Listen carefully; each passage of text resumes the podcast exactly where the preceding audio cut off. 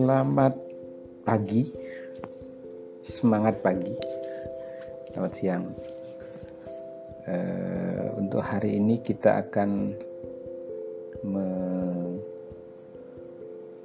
melanjutkan dengan materi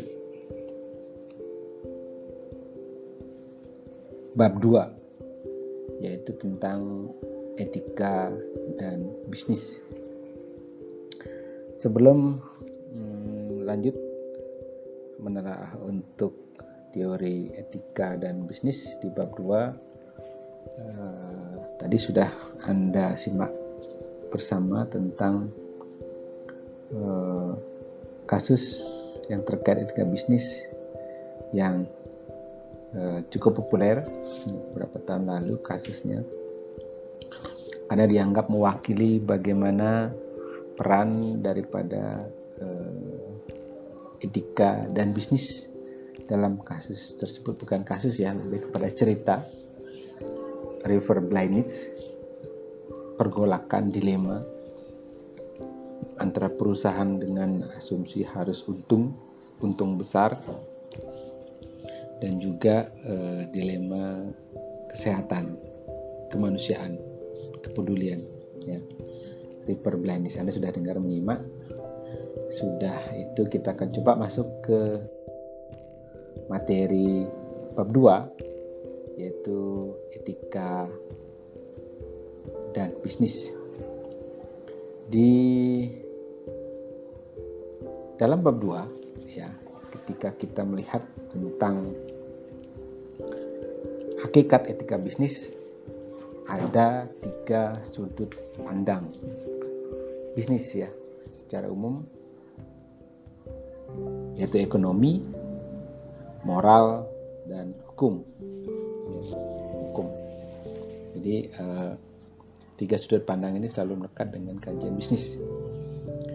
Bicara ekonomi pasti ya kita mendengar kata bisnis karena memang identik dengan ekonomi. Artinya jelas bahwa kalau sesuatu kegiatan perilaku kita dengan biaya serendah mungkin, seminimal mungkin, hasilnya atau keuntungannya semaksimal mungkin, setinggi tingginya. Ya, itu yang jelas bicara tentang ekonomi. Kemudian secara moral, ya, secara moral, bagaimana kajiannya moral? Moral ini bicaranya tentang moralitas, nilai baik dan buruk ekonomi apa hanya sekedar mencari keuntungan? Ya tidak, karena unsur lain menguntungkan secara perusahaan, secara individu, tapi orang lain juga dapat manfaat. Ya, orang e, bayar dengan sejumlah uang tertentu dan dia mendapatkan manfaat dari produk yang dia bayarkan kan gitu logikanya walaupun uangnya berkurang tapi mendapatkan manfaat dari produk yang dibeli misalnya. ya ini secara tidak langsung bicara moral ya bicara tentang masalah rasa. Begitu juga hukum. Kalau bisnis tidak hukum ya pasti kaitannya dengan bagaimana hukum itu bekerja. Orang bisnis perlu tahu hukum. Contoh mendirikan perusahaan harus ada legalitasnya. Nama perusahaan, brand yang dibawa biar nggak terjadi uh, apa hal-hal yang tidak diinginkan. Kan banyak sengketa brand ya uh, mengklaim bahwa brand itu punyanya si A sehingga tidak ada barang-barang KW ya dulu kan sempat itu salah satu contoh. Itu termasuk kalau sudah benar pendataannya sehingga brand yang didaftarkan apa nama perusahaannya apa sehingga produknya juga tidak ada yang saling klaim yang punya. Karena berimbas kepada tidak saja kualitas tapi juga kepada yang sifatnya loyalitas. Nah, itu. Dulu sempat beberapa brand begitu jiplak menjiplak dan lain sebagainya ya banyak kasusnya. Akhirnya hukum. Belum lagi ditambah dengan cerita lain bahwa orang bisnis harus tahu hukum. Apa? Ya bayar pajak. Bayar pajak. Ini yang tidak bisa dilupakan jadi, eh, bayar pajak ini bagian salah satu yang memang harus ada. Orang berbisnis ya harus bayar pajak. Yaitu hukum aturan main. Kemudian kalau moral nah kembali sedikit moral karena nanti kajiannya untuk mendekatkan nilai moral seperti kasus di atas river blindness sudut pandang moral itu tolak ukurnya ya ada hati nurani kaidah emas itu yang dimaksud ya bagaimana ketika ada sebuah permasalahan. Terutama biasanya orang banyak berkecimpung kalau usaha itu terkait dengan kesehatan. Ya itu imbasnya banyak antara tega nggak tega. Itu ya. E, jutaan orang menderita penyakit river blindness itu. Kalau tidak segera diambil eksekusi dari and company Pak Gelos memutuskan membuat riset dan itu bisa mengobati. Ya mungkin tak apa yang terjadi. Sekian tahun orang-orang di sepanjang sungai itu penyakit river blindness yang tidak tertahankan. Itu ya. Uh, moralitas dapat didefinisikan sebagai pedoman yang dimiliki individu. Jadi individu ya masuk jelas bicara tentang uh, apa orang, di mana perilakunya dengan tertentu apakah jahat apa tidak, uh, benar atau salah dan lain sebagainya. Dan biasanya kalau kita runut lebih jauh, dari mana pedoman atau standar itu berasal? ya biasanya standar moral pertama kali terserap ketika anak-anak ya di masa kanak-kanak ini mulai terbentuk bagaimana nilai moralitas dari siapa? Dari orang terdekat. Siapa? Keluarganya. Ya keluarga. Teman beragam pengaruh masyarakat seperti hmm, sekolah ada televisi majalah misalnya atau musik atau hal-hal lain yang ada di sekitarnya. Orang-orang dewasa di sekitarnya. Saudara dan lain sebagainya. Ya dan biasanya ini secara nggak langsung kemampuan intelektualnya itu mengasah berulang-ulang tentang standar-standar moral tertentu. Sehingga muncullah proses pendewasaan logikanya orang semakin bertumbuh semakin berkembang bertambah usia moralitasnya semakin bagus. Ya sudut pandangnya semakin bagus. Ya. Dari mana dari kemampuan dia memahami melogikakan merasionalisasikan sebuah alasan tertentu untuk sebuah perilaku. Ya. Sehingga e, boleh dibilang orang yang semakin dewasa semakin tua itu mestinya semakin bagus. Uh, standar moral tidak dapat dikontraskan dengan standar yang kita yakini tentang hal-hal yang bukan moral. Contoh ya, standar non moral termasuk standar etika yang kita gunakan untuk menilai sikap dan baik dan buruk terutama. Hmm, standar hukum yang digunakan untuk menilai benar salah menurut hukum pasti standar hukum. Kemudian standar bahasa menggunakan nilai benar dan salah secara gramatikal standar itu berbeda ya dengan standar moral. Standar estetika menggunakan untuk menilai seni yang baik atau yang buruk. Ya namanya juga seni. Yang kita bilang seni A belum tentu orang lain bilang A-nya itu seni. Selera. Ya, begitu juga ada standar lain. Banyak ya, standar atletik. Bagus tidaknya permain bola. Menurut kita bagus tapi tidak gol-gol ya nggak bagus juga. Ya dibilang tidak bagus tapi dapat gol. Nah itu beda lagi. Ya. Itu beberapa hal standar yang tidak bisa dikaitkan dengan satu dengan yang lainnya. Ya. Kemarin kita sudah bahas tentang lima ciri yang berguna untuk menentukan hakikat standar moral. Masih ingat ya? Ya itu standar moral berkaitan dengan persoalan yang kita anggap merugikan atau menguntungkan. Standar moral eh, tentang apa yang di, kita anggap sebagai sebuah keputusan otoritas. Kayaknya sudah kemarin kita bahas saya nggak perlu jelasin lagi. Di B pengertian etika bisnis. Ya. pengertian etika bisnis. Terdapat beberapa ahli yang mendiskusikan tentang pengertian etika bisnis. Kita sudah juga ada bahas kemarin di bab 2 ada teleologi, deontologi, utilitarianisme dan bla bla bla. Nah, di sini saya maksud tentang bahwa etika bisnis, ya, ini saya sebutkan sedikit. Bisnis etik, therefore is concerned with good and bad, right and wrong behavior that takes place within a business context. Artinya apa? Bahwa segala sesuatu yang berhubungan dengan kebaikan dan keburukan yang benar dan salah yang ditunjukkan dalam bentuk perilaku yang terkait atau dihubungkan dengan konteks suasana kondisi bisnis itulah etika bisnis. Oke semoga gampang dipahami. Itu salah satu yang yang memang perilaku kita yang kalau hubungannya dengan bisnis pokoknya itu harus ada aturan etika. Namanya bisnis. Itu ya.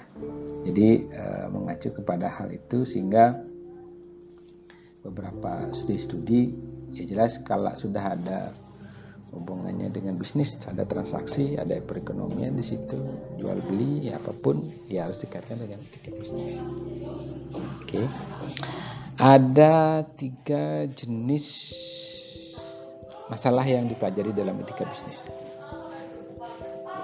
oke yang disebut sistemik, korporasi, dan individu. Oke. Kalau bicara sistemik, kita bicara tentang bagaimana pertanyaan-pertanyaan etis yang muncul mengenai sistem ekonomi. Ya.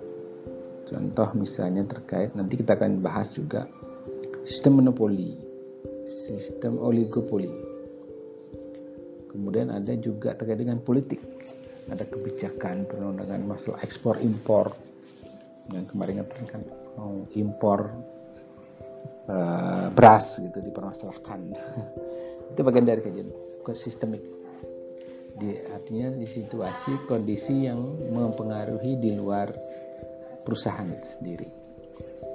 Ya ada politik, ada hukum, termasuk juga sistem sosial di mana kita berpijak. Kalau di Bali kita sering asumsikan orang yang hmm, apa berbisnis di sebuah tempat tertentu dengan berbagai kondisi lingkungan yang mengharuskan ada beberapa hal yang dipenuhi. Misalnya kena hmm, awik-awik desa adat misalnya. Kan misalnya ada harus nyetor harus sumbangan dan lain sebagainya itu. Ya, dulu sempat cerita lain yang Joker itu kenapa tutup yang di lulus itu. Mungkin itu juga berhubungan dengan miskomunikasi tentang lingkungan ya sistemik kemudian eh, sistem sistemik juga mencakup pertanyaan mengenai mutas kapitalisme. Yang tadi sudah saya bahas eh, bahwa kalau bicara sistemik itu di luar perusahaan. Jelas bicaranya termasuk juga sistem baik itu permasalahan halam kayak sekarang pandemi banyak bisnis tumbang nggak kuat. Hotel banyak dijual. Harus orang keluar masuk terbatas. Ya ini juga bagaimana situasi sistemik yang mempengaruhi daripada kegiatan bisnis. Ya pariwisata mati suri. Orang-orang budaya pariwisata yang dulu mungkin cukup e, nyaman hidupnya karena ya pariwisata itu imbasnya dari segi ekonomi ya orang jadi e, punya penghasilan cukup bahkan berlebih ya begitu sekarang banyak sekitar kita mungkin di antara kalian punya saudara keluarga yang berprofesi terkait pariwisata juga mengalami hal yang sama Kemudian yang kedua, korporasi. Permasalahan atau korporasi, permasalahan perusahaan ya. Itu adalah permasalahan yang ada kaitannya dengan bagaimana pertanyaan yang muncul itu terkait dengan eh, moralitas aktivitas, kebijakan, praktik dan struktur organisasi perusahaan. Ya, sebagai contoh kasus di atas tentang korporasi Mac Mac and Company ya untuk menginvestasikan jutaan dolar pada proyek yang tidak menguntungkan. Ini kan bagian dari kebijakan korporasi. Ya Pegelos dengan pertimbangan banyak ya setelah diskusi sengit nih kayaknya gitu. Sehingga memutuskan akan melakukan riset untuk mengembangkan obat intermectin. Intermectin. Ya itu bahasanya agak susah meneja jadi bagaimana hasil akhirnya? Ya Pagelos ini memutuskan untuk mendanai riset itu mengembangkan obat yang untuk hewan menjadi obat versi manusia. Ya, yang jelas-jelas hasil akhirnya tahu tidak akan menguntungkan gitu. Ya, ini salah satu contohnya bagian korporasi kebijakan itu. Ya. Jadi untuk melihat dan menganalisis perusahaan moral, pertama-tama lihatlah termasuk dalam kategori manakah. Ya, dengan asumsi bahwa korporasi apakah ini yang berperan keputusan bersama. Ya, sebelum nanti kemudian eh, secara individu orang-orang dalam perusahaan juga berpengaruh. Ya, kalau tadi keputusan korporasi kemudian lebih lanjut pastilah Pak Gelos ini memutuskan ini dengan cara yang secara personal mungkin sudah menimbang baik buruknya reputasi dan lain sebagainya dalam mengambil keputusan. Itu secara individu ya. Oke. okay. Jadi keputusan uh, ya, itu mungkin juga banyak. Karena kan kasus beberapa perusahaan kenapa manajer atau pegawai perusahaan atau juga owner memutuskan perusahaan melakukan sesuatu. Juga banyak dipengaruhi latar belakang semacam kecilnya. Misalnya saya dulu sempat merasa susah dan lain sebagainya sehingga saya begitu paham betul tentang karir harus bekerja seperti apa. Sehingga kepeduliannya terhadap tenaga kerja yang lain cukup tinggi sehingga sebagai owner ya sangat sayang sama semua karyawannya memberikan perhatian yang cukup dan lain sebagainya. Itu ya. Itu kan masalahnya individu. Jadi intinya untuk melihat dan menganalisis permasalahan moral pertama-tama mungkin perlu dilihat nih kategorinya apakah sistemik, korporasi, atau individual. Ya. Tapi sering kadang permasalahan itu muncul complicated, sangat rumit, sangat rumit. Nah, sangat rumit ini yang perlu ya penilaian lebih jauh dari mana sudut pandang. Tetap acuannya secara etika mana yang bisa berdampak sosial positif lebih banyak, gitu. yang ruginya sedikit gitu itu jadi pertimbangan kayak tadi ruginya cuma perusahaan mengobat itu tapi untungnya masyarakat sekian juta di sepanjang sungai untuk kemudian bisa diobati ya. Uh, lebih lanjut tentang perkembangan moral dan penalaran moral ya.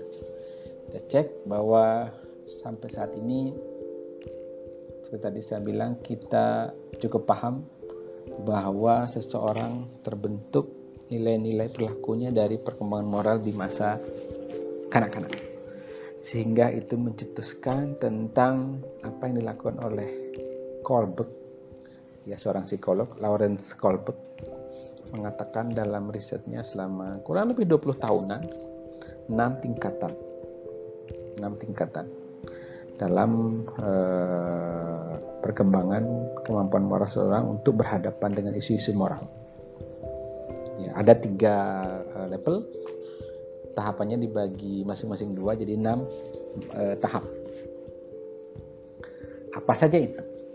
Ya, yang jelas kita melihat dari sangat basic sekali perkembangan moral uh, tentu uh, pihak keluarga sangat mendominasi ya di anak-anak perkembangan begitu sederhana sampai kemudian dewasa begitu kompleks sehingga selalu asumsi bahwa orang yang dewasa bertambah umur semakin wise. Wise itu apa? Semakin bijak.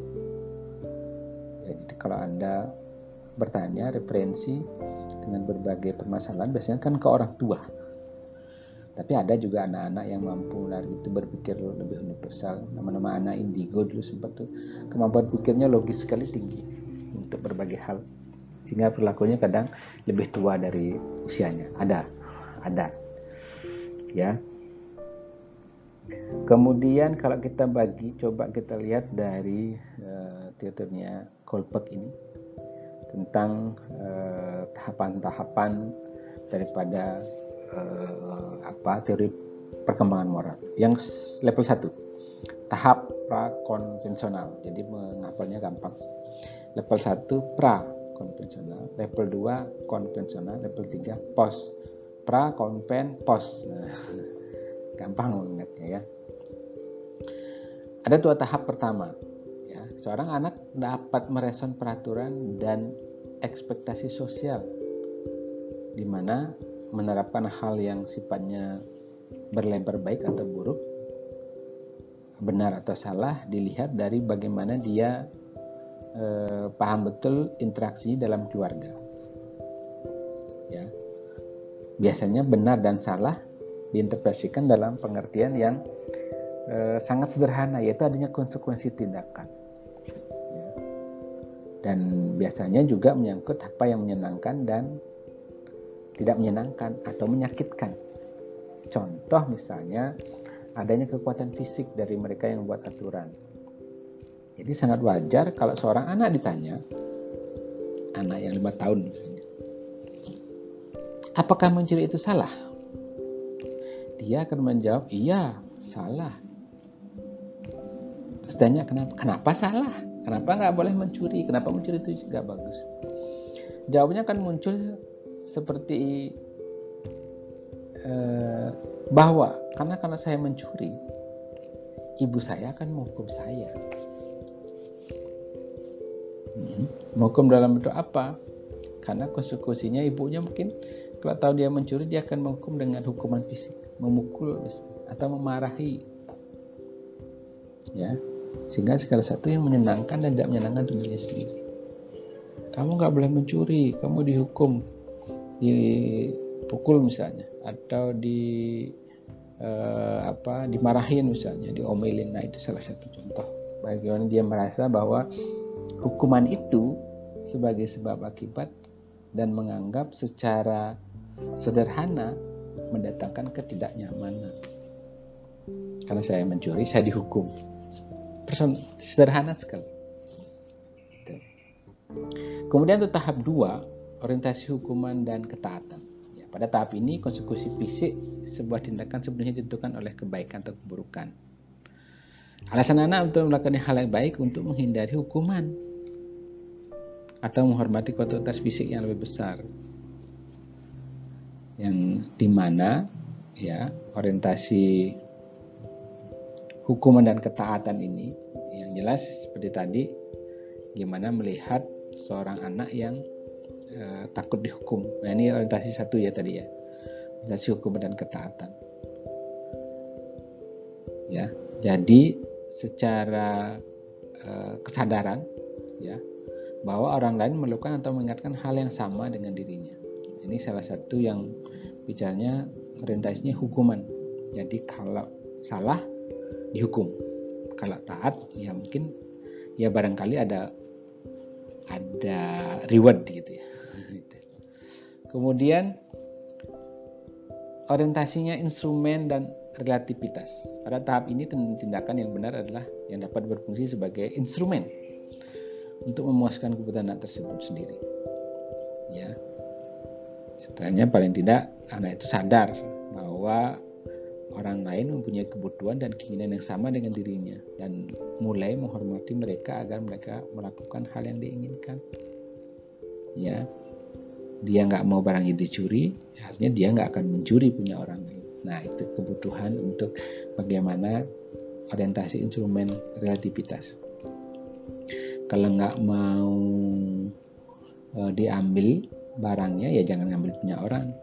Mainan itu harus dibagi eh, artinya dimainkan bersama. Sehingga kalau temannya juga punya mainan bisa dipakai bersama-sama. Nah itu salah satu konsekuensi. Itu baik artinya.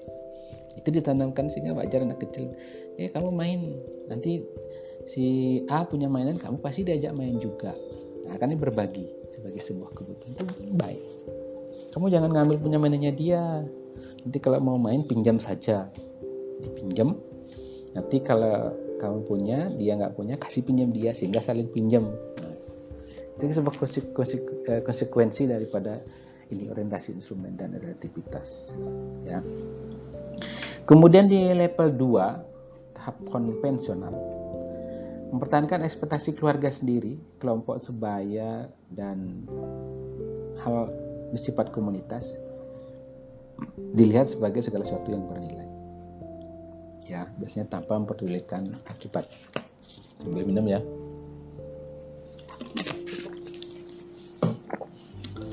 Ya orang pada level perkembangan ini biasanya tidak hanya tidak saja berdamai dengan harapan tetapi menunjukkan loyalitas terhadap kelompok besar norma-normanya. Tadi kalau antasinya personal saya punya mainan dia punya berbagi. Baik. Kali ini lebih luas komunitas. Kemudian di perkembangan ini anaknya sudah lebih besar, berumur lebih lebih tua lah. Ya, jika seorang menanya seorang remaja pada level ini tentang mengapa suatu salah atau mengapa sesuatu itu benar, dia mungkin akan menjawab, apa yang teman-teman saya pikirkan sebagai sesuatu yang baik? Apa yang keluarga saya pikirkan tentang saya?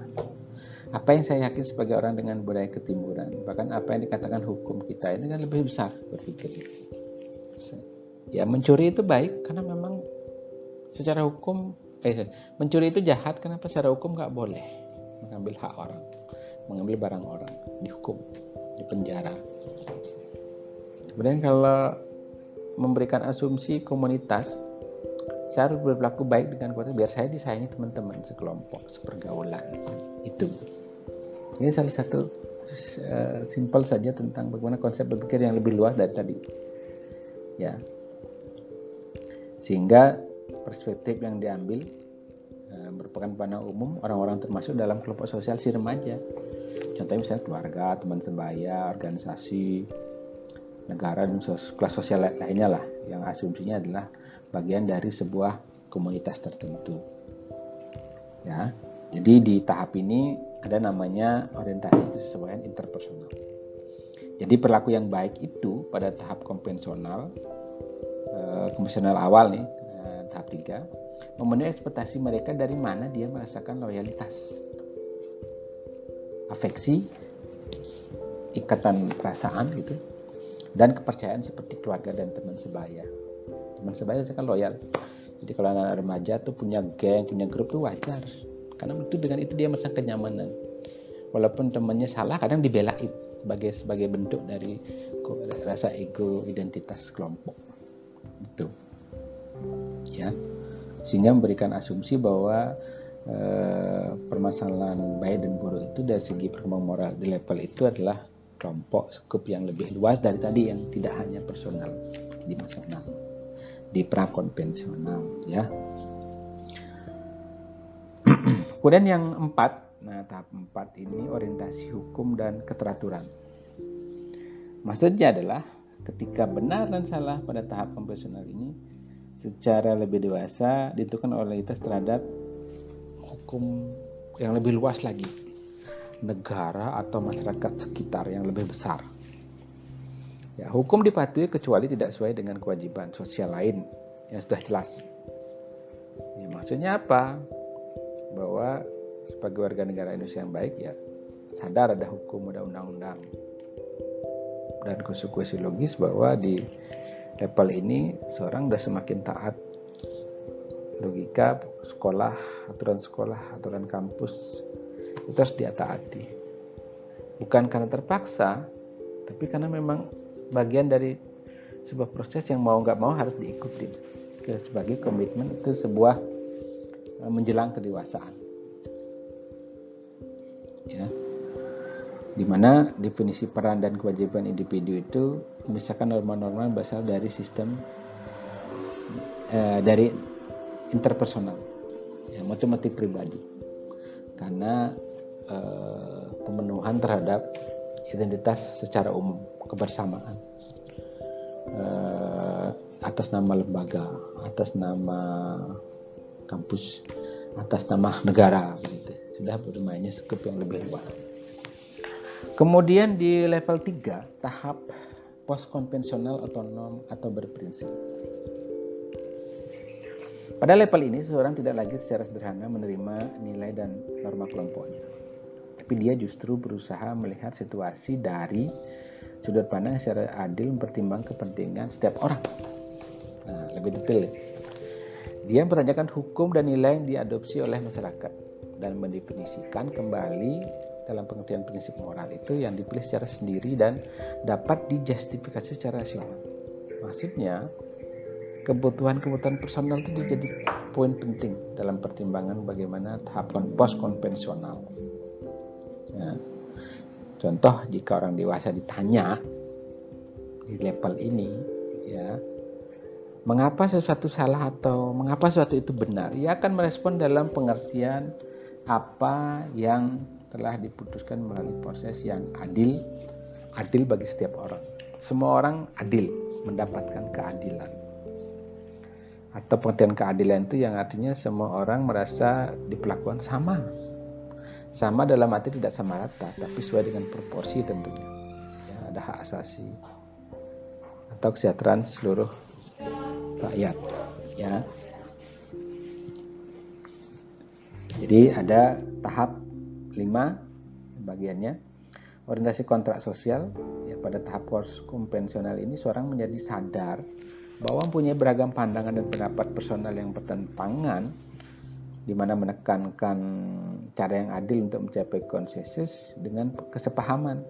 Jadi kontrak itu dan proses yang matang, ya dia percaya bahwa nilai dan norma bersifat relatif.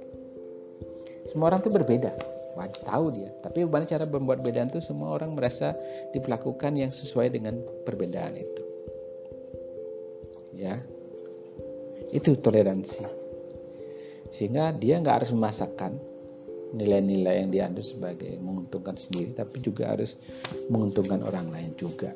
Baik juga untuk orang lain baik juga untuk saya. Kontrak sosial. Tahap 6 adalah orientasi prinsip utis eh, etis universal. Pada tiap ini tindakan yang benar didefinisikan dalam pengertian prinsip moral yang dipilih karena komprehensifnya, karena uh, universalitas dan juga konsistensinya. Ya. Yang biasanya prinsip etis ini merupakan prinsip umum yang abstrak yang berkaitan dengan keadilan, kesejahteraan, kesejahteraan masyarakat ya kesetaraan hak dan uh, hak asasi manusia kemudian penghormatan terhadap harkat dan martabat itu kemudian uh, yang jelas perlakuan bahwa setiap orang itu secara hak asasi itu lahir berhak hidup di mana saja mengikuti aturan dan mendapatkan apa yang menjadi hak hidup. Orang lain nggak boleh ganggu. Contoh konkret sekali anda sudah dewasa kalau ada orang diam yang Anda tahu dia misalnya hmm, sakit batuk dan lain sebagainya ya Anda tahu diri nggak akan ngerokok di dekatnya dia contoh itu nilai kebaikan itu salah satu contoh sederhana sekali bagaimana kita berlaku kita nggak akan lain karena tahu dia lagi batuk mungkin lagi sakit atau nggak senang rokok ya, kita kalau kita ngerokok Riset dilakukan Kolberg dan yang lainnya menunjukkan meskipun orang tubuh letak pandangan hutan yang sama, terkadang tidak semua bisa melewati ini. Ada yang mandek di satu sesi. Ego komunitas, ya. Banyak contoh udah tua masih punya geng-geng itu, geng geng lah kelompok tertentu yang sangat loyalis. Ketika ketemu dengan orang lain merasa gengnya paling benar. Dia malah bentrok dan lain sebagainya ya kan banyak masyarakat tuh dengan asumsi begitu punya itu tidak berkembang lebih jauh egonya ya banyak kalau dilihat nasional kan banyak organisasi yang pokoknya kelompoknya dia yang benar kelompok yang lain salah itu egonya kan masih di level yang belum uh, pada post konvensional yang wise melihat bahwa orang lain itu berbeda punya toleransi di situ nah itu sehingga tidak egosentrik dalam menerapkan berbagai perilaku yang dianggapnya benar. Menurut saya ini benar, menurut kamu salah, ya ikutin ini menurut saya yang paling benar. Nah, tidak seperti itu. Oke. kemudian di penalaran moral. Nah, kita masuk sedikit. Apa yang kita pahami tentang penalaran moral? Ya, penalaran penalaran moral mengacu pada proses penalaran di mana perilaku institusi atau kebijakan nilai sesuai atau melanggar standar moral. Ya. Yang dimaksud adalah bagaimana pemahaman tentang yang dituntut dilarang ya dinilai salah oleh standar moral yang masuk akal. Ya itu yang penting dua komponen mendasar. Paham dulu tentang apa yang dilarang di bla bla bla. Yang kedua tentu ada bukti atau informasi yang menunjukkan bahwa orang itu sudah pelaku tentu punya ciri-ciri standar yang menuntut dalam dalam kajian itu ada buktinya. Ini biasanya sebagai beberapa contoh untuk menindak seorang yang melakukan perilaku tidak baik harus ada buktinya. Mencuri apa ini curi ada nggak bendanya? Kapan itu waktunya? Sekarang zaman sekarang kan sangat mungkin kan ya ada CCTV, ada rekaman video yang orang sempat ambil atau rekaman yang lain atau saksi-saksi ABC yang melihat. Sekarang sangat maka sekarang pelaku itu sangat rasanya di mana diawasi tapi itu sebuah konsekuensi ya. Anda tanpa sengaja mungkin merekam sesuatu tahu-tahu dalam rekaman tampak sebuah kejadian yang bisa menjadi sebuah bukti saksi untuk sebuah kejadian yang mungkin menjadi viral misalnya atau bukti hukum. Oke. Okay. Kalau dicontohkan ya sedikit Nah ini di eranya di nah saya nggak bahas bilang jelek enggak, tapi memang fakta. Jadi ada standar, standar moral. Karena masyarakat katanya kan masyarakat yang toleran terhadap perbedaan. Tapi informasi faktual itu di era Orde Baru itu kan di Cina nggak boleh masuk di hmm, pemerintahan birokrasi. Ini kan dosa umum sehingga secara konsekuensi benar moral atas kebenaran kesalahan ini masyarakat Indonesia ternyata tidak adil ya itu praktek-praktek sekarang pun masih banyak ada beberapa begitu kalau mau terbuka ya ya sekarang tentu bisa didebatable ya jadi diperdebatkan. Sudut pandangnya dari mana? Oke kemudian argumen yang mendukung dan menentang etika bisnis.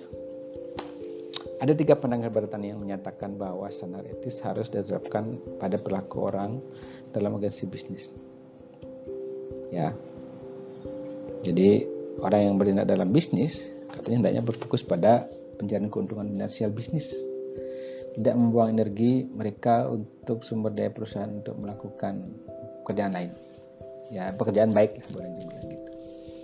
Ya, tiga argumen seperti anda baca Eh, bahwa di pasar bebas kompetitif yang sempurna ya tentu mencari keuntungan setinggi tingginya udah wajib harus ya jadi secara uh, apa fakta bahwa ya perusahaan produksi produk-produk yang dibutuhkan masyarakat secara efektif dan efisien. Kemudian keuntungannya harus menguntungkan secara sosial. Itu. Jadi tidak ada hubungannya dengan tidak boleh dikaitkan katanya dengan etika.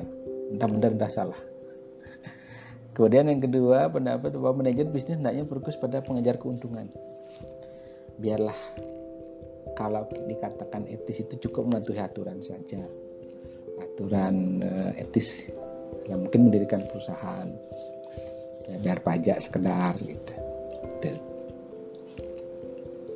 atau ketiga ya tadi saya dulu bilang ya ada beberapa waktu menjadi Eh, bahwa untuk menjadi itu cukuplah bagi orang yang sekedar mentaati hukum yang tadi saya. Ya. Itu hal-hal terkait dengan bagaimana argumen yang mendukung eh sorry yang menentang etika bisnis. Ya tidak perlu katanya perusahaan bisnis. Ya, tapi prakteknya kadang melawan. Ada beberapa perusahaan kadang sengaja ya dengan terorganisir Eh, di bagian keuangan manipulasi data omset penjualan agar pajaknya tidak tinggi ya kan ada yang begitu itu praktek-praktek secara ini melawan hukum boleh dibilang bukan melawan hukum ya me menghindari bayar pajak atau belum yang banyak kepada negara. Oke. Kemudian kalau dilihat tanggung jawab, oke, tanggung jawab. Nah, kok lewat ya? Itu melihat bagaimana uh, cerita lain tentang bahwa mana kau aja nggak mau balik ya? Ada namanya tanggung jawab korporasi. Ya. Korporasi di mana ada semacam uh, ketentuan perusahaan bertanggung jawab sama kegiatan di dalam perusahaan. Seperti tadi saya contohkan tentang bahwa pimpinan atau owner menginstruksikan apa kepada manajer, manajer menginstruksikan apa kepada bawah sampai kemudian di bagian bawah melakukan apa. Itu kan bagian tanggung jawab korporasi. Di mana korporasi punya andil dalam menentukan bagaimana perjalannya perusahaan. Sehingga tanggung jawabnya adalah korporasi. Kalau ada apa-apa, korporasi. Contoh simple ya, beberapa minggu terakhir kan ngetren yang security mengusir pengunjung yang ada di pantai di Sandur itu. Security nyatakan bahwa saya hanya menjalankan tugas dari instruksi dari atasan begitu bah, uh, ceritanya. Dan dia share di media di media sosial itu. Ya hanya menjalankan tugas karena itu dari atasan. Saya masalah ya perusahaan. Kalau securitynya di satu sendiri dia mengusir begitu tidak ada perintah ya. Mungkin dia secara secara personal ya sebagai karyawan bersalah itu sebagai contoh tanggung jawab korporasi dan juga tanggung jawab bawahan. Yang mana? Kalau sebagai bawahan dia bertindak semuanya sendiri berusaha memarkup memanipulasi data dan sebagainya itu berarti kesalahannya karyawan. Kalau atas instruksi ya tanggung jawab perusahaan korporat. Itu materi yang bisa disampaikan hari ini saya pikir cukup eh, apa bisa mewakili. Eh, semoga berguna. Kalau ada yang perlu tanyakan eh, silakan kita diskus nanti dalam pertemuan lebih lanjut. Saya berharap bisa apa namanya dipahami bahwa di materi hari ini tentang pentingnya perkembangan moral yang mendasari manusia dalam bertindak berperilaku memang dilihat dari latar belakang. Makanya nggak salah kalau anda nanti bekerja melamar pekerjaan kan lihat CV track record itu dilihat. Dari keluarga mana siapa lingkungan seperti apa termasuk juga sampai kemudian SD di mana SMP di mana. Saya kan bagian dari track record sampai kemudian pernah bekerja di mana. Yang lebih detail kan ada kadang perusahaan yang menel, me, apa namanya menyeleksi lebih detail tentang calon karyawan itu. Bila perlu sampai media sosialnya dikepoin. Oh media sosialnya ternyata orang ini suka menghujat. Di media sosial ini perlakunya nggak bagus. Suka menganiaya binatang. Media sosial dia suka tampil vulgar nanti kalau dalam penerimaan itu dicek dipertimbangkan masuk seleksi gitu. Salah satu contoh. Sekarang kan eranya begitu jadi dengan menunjukkan akun media sosial, orang bisa ngelihat bagaimana perilaku kita. Apa yang kita suka, apa yang kita suka share. Nah itu, itu hati. Makanya bermedia sosial yang baik itu salah satunya harus baik-baik tunjukkan. Oh orang itu ternyata suka uh, adventure, suka petualang ini bagus ini bisa direkrut, bisa nanti membawa atau menjadi uh, populer karena dia suka upload hal-hal yang sifatnya kegiatan teknis di luar ruangan, adventure, suka trekking misalnya suka jalan-jalan dan sebagainya. Salah satu pertimbangan. Itu juga akan terbentuk ya. Baik juga nanti akan sebagai anda sebagai wirausaha ya. Itu kan juga akan mendasari sekali bagaimana uh, track record dan perkembangan moral itu memang terbentuk dari perkembangan anak dari sejak kecil sampai dewasa. Itu sangat mempengaruhi daripada keputusan-keputusan yang di perusahaan itu untuk pertemuan hari ini. Semoga bisa dipahami saya berharap bisa ketemu lagi minggu depan dalam waktu keadaan sehat jangan lupa jaga kesehatan tetap pola hidup sehat makan minum tidur teratur dan berolahraga selamat siang Salam Cayo. Salamnya Cayo ya, bukan salam siang. Salam sehat selalu. Bye bye. Terima kasih.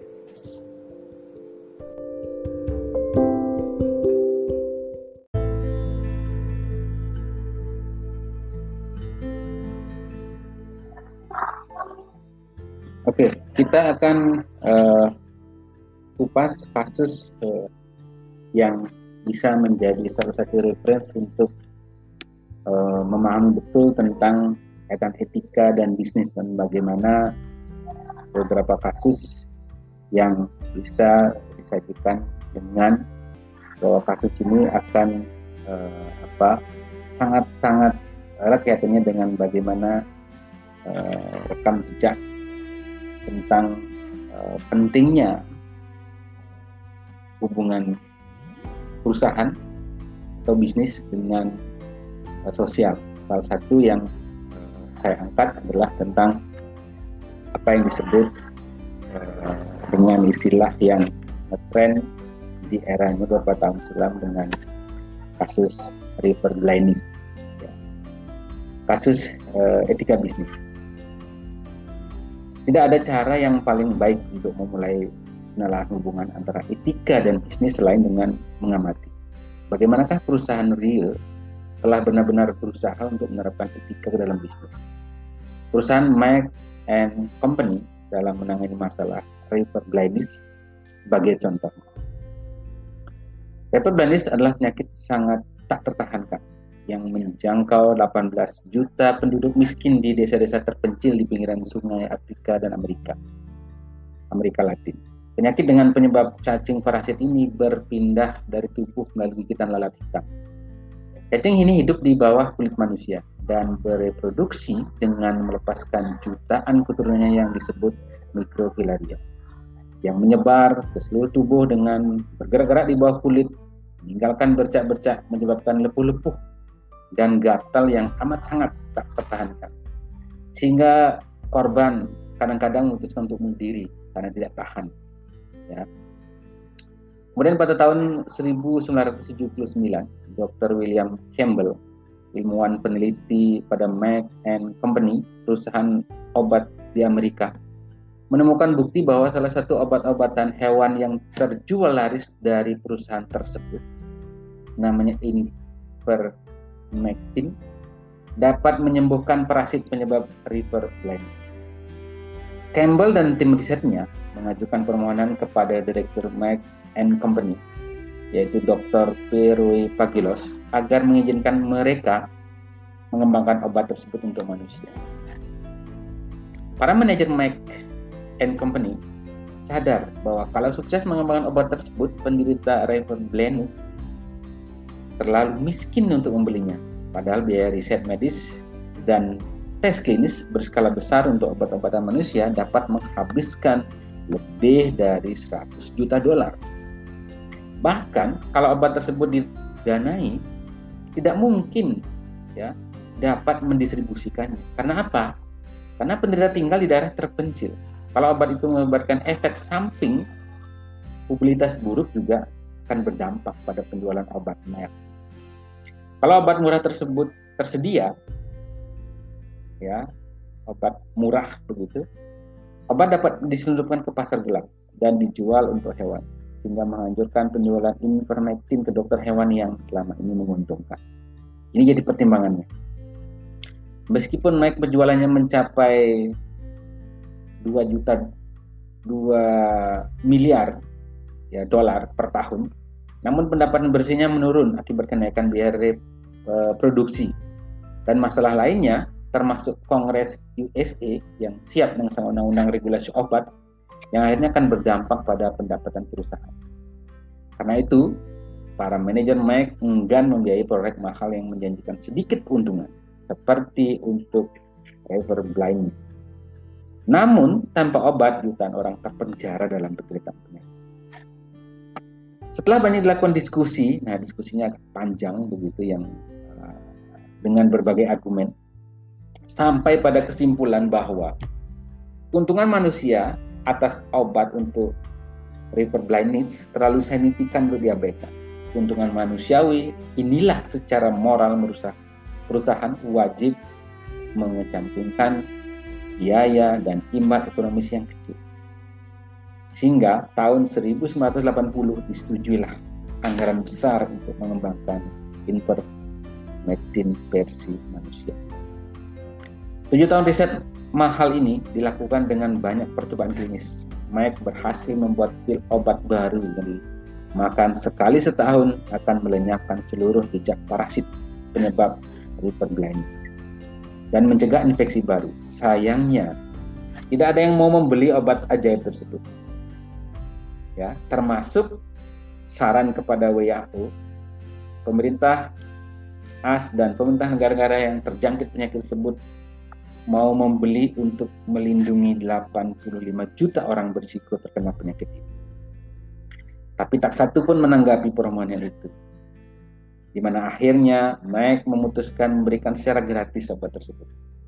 Namun, tidak ada saluran distribusi untuk menyalurkan kepada penduduk yang memerlukan.